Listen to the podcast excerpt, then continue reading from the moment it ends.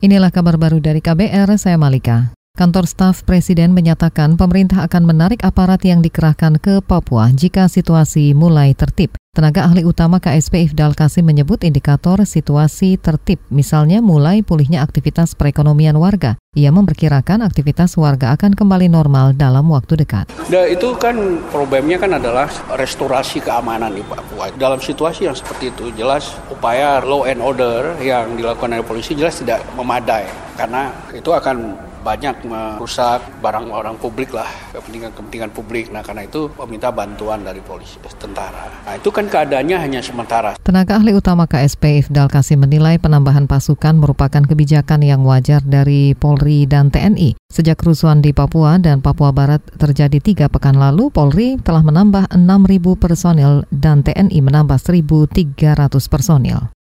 Menteri Keuangan Sri Mulyani Indrawati membantah pemerintah sengaja memangkas subsidi energi. Ia menyebut penurunan anggaran subsidi energi pada anggaran pendapatan dan belanja negara dilakukan karena perubahan asumsi makro. Pemangkasan dilakukan hingga 12 triliun rupiah.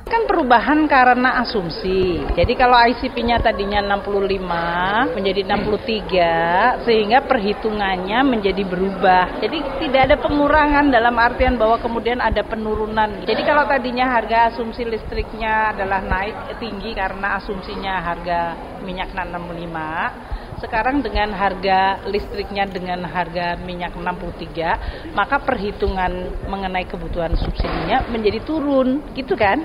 Menkyu Sri Mulyani menyatakan rata-rata harga minyak mentah di Indonesia mengalami penurunan. Ia menegaskan penurunan harga menyebabkan perubahan perhitungan terhadap subsidi yang berhubungan dengan energi.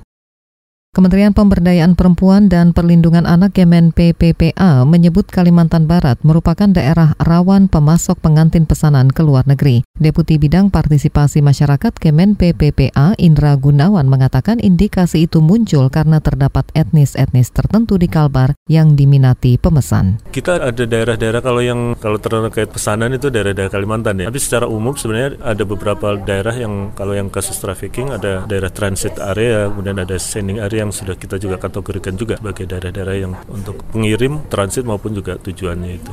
Deputi Bidang Partisipasi Masyarakat Kemen PPPA Indra Gunawan menambahkan desakan ekonomi juga menjadi penyebab munculnya pengantin pesanan. Sebelumnya 14 perempuan Indonesia yang menjadi korban pengantin pesanan di Tiongkok dipulangkan pekan ini. Dari belasan korban tersebut sebagian besar berasal dari Kalimantan Barat.